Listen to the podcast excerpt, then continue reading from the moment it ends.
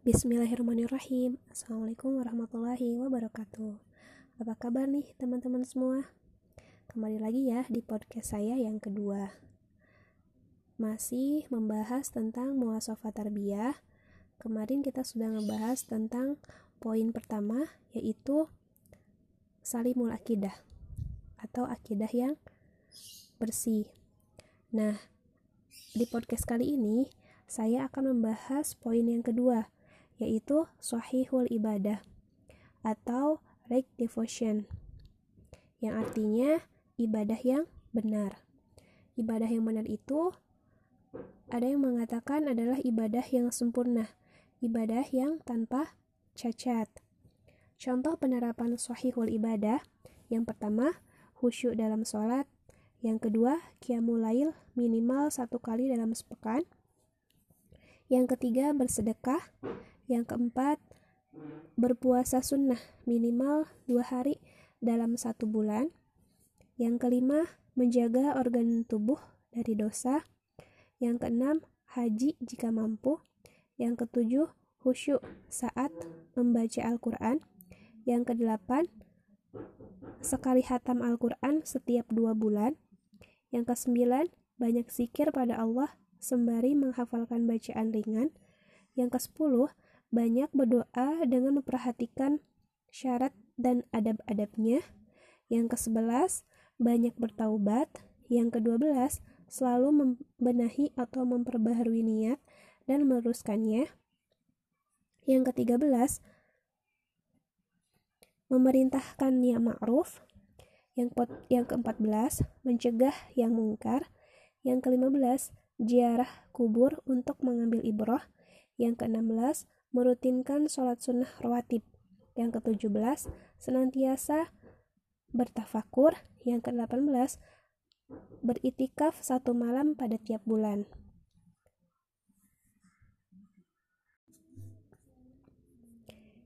Ibnu Mansur di dalam lisan Al-Arab mengatakan bahwa akar kata ibadah atau ubudiyah adalah tunduk dan patuh.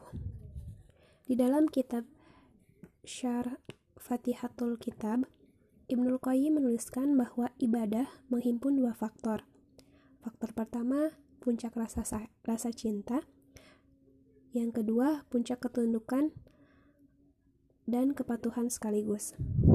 Jadi, jika kita mencintai seseorang namun tidak tunduk kepadanya, maka kita belum dikatakan menghamba padanya atau mencapai puncak rasa cinta yang pertama. Begitupun sebaliknya.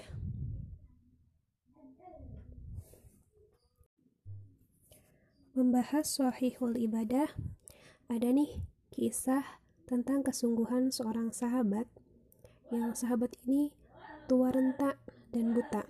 Dia adalah Abdullah bin Umi Maktum udah banyak banget ya yang membahas tentang Abdullah bin Umi Maktum.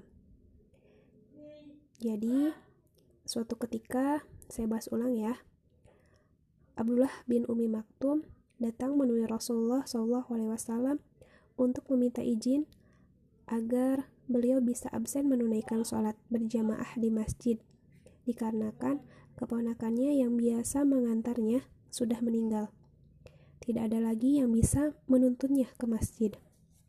Rasulullah pun terdiam saat mendengar itu. Lalu beliau bertanya, "Wahai Abdullah bin Mak Umi Maktum, apakah engkau mendengar azan?"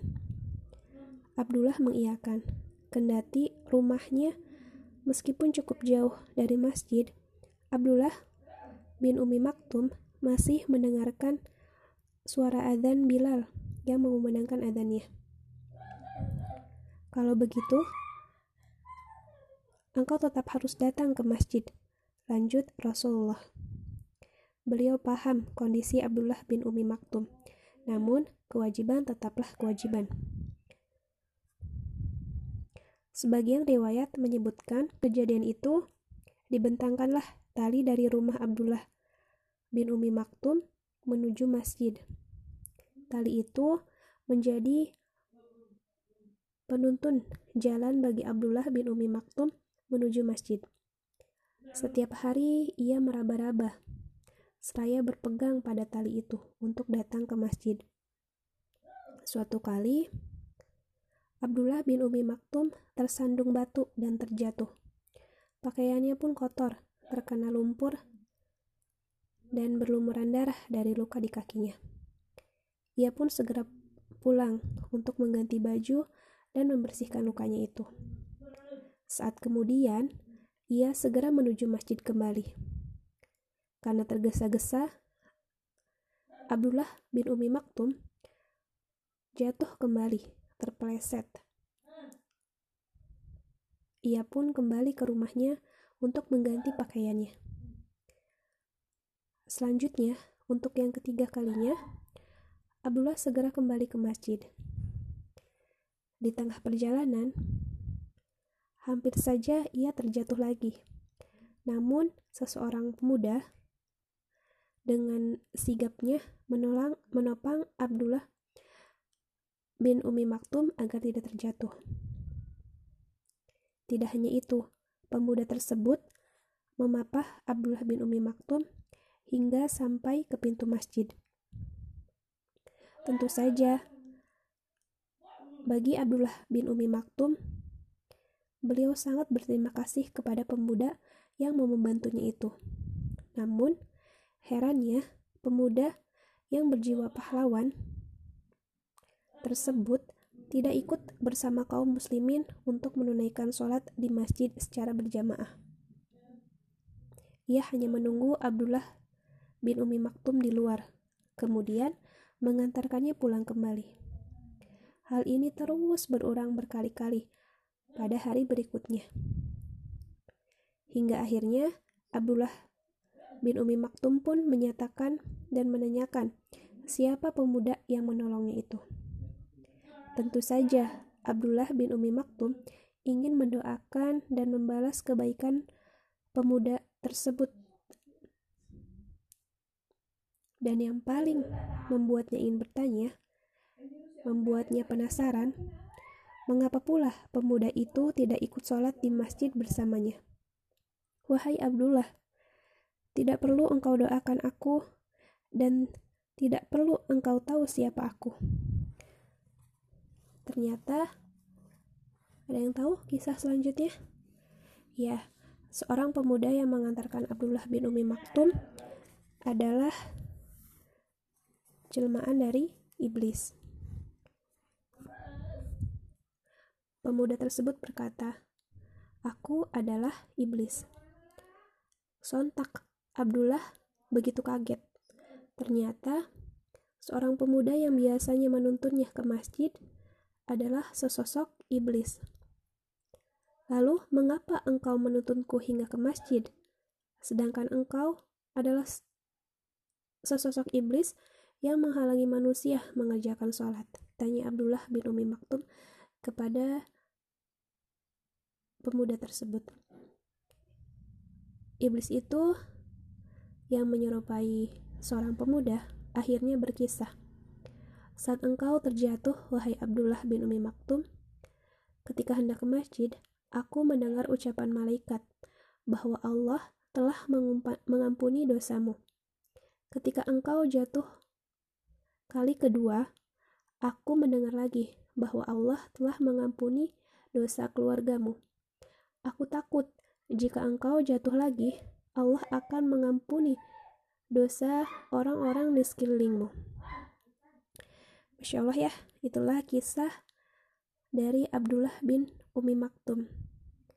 Yang mana dia disebut Umi Maktum atau ibu yang tersembunyi karena dia terlahir sebagai anak yang difabel. Abdullah bin Umi Maktum ini merupakan sepupu dari istri Rasulullah SAW, yaitu Khadijah binti Khuwailid.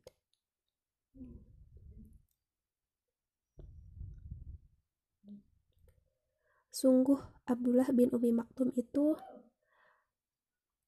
seorang yang patut kita teladani ya dari kesungguhannya yang telah membuat iblis terpaksa melayani dan membantunya menunaikan ibadah. Abdullah bin Umi Maktum tidak pernah manja dalam menjalankan syariat Allah meskipun dia adalah seorang yang buta dan sebatang kara. Lantas, bagaimana nih dengan kondisi kita yang kebanyakan umat saat ini masih muda, tegap, dan kuat, tapi ya banyak negatifnya lah. Tidak malukah ketika tubuh yang tegap dan kuat itu pada sosok Abdullah bin Umi Maktum ini banyak orang yang kuat mengangkat beban yang sangat berat. Namun mereka tak kuat mengangkat selimutnya untuk menunaikan sholat subuh. Banyak juga orang yang kuat berlari berpuluh-puluh kilometer. Namun, untuk urusan melangkahkan kakinya ke masjid terasa begitu sulit. Sungguh, Abdullah bin Umi Maktum ini benar-benar bisa kita ambil ibrohnya, hikmahnya, bisa kita ambil contohnya. Yang sampai turun ayat di surah Abasa sebanyak 16 ayat khusus untuk menegur Rasulullah yang pada saat itu terlalu memperhatikan para pembesar Quraisy yang sedang didakwahinya. Salah satunya Abu Jahal dengan harapan mereka masuk Islam. Namun turunlah ayat tersebut. Dan ada juga di surat An-Nisa ayat 95 di mana isi dari surat tadi menjelaskan bahwa kebeba ada kebebasan dalam berkewajiban berperang bagi seorang yang difabel atau tunanetra seperti Ab Abdullah bin Umi Maktum. Insya Allah ya, mudah-mudahan di podcast kedua ini kita bisa sama-sama menerapkan apa yang telah kita dapat hari ini. Sekian ya dari saya. Wassalamualaikum warahmatullahi wabarakatuh.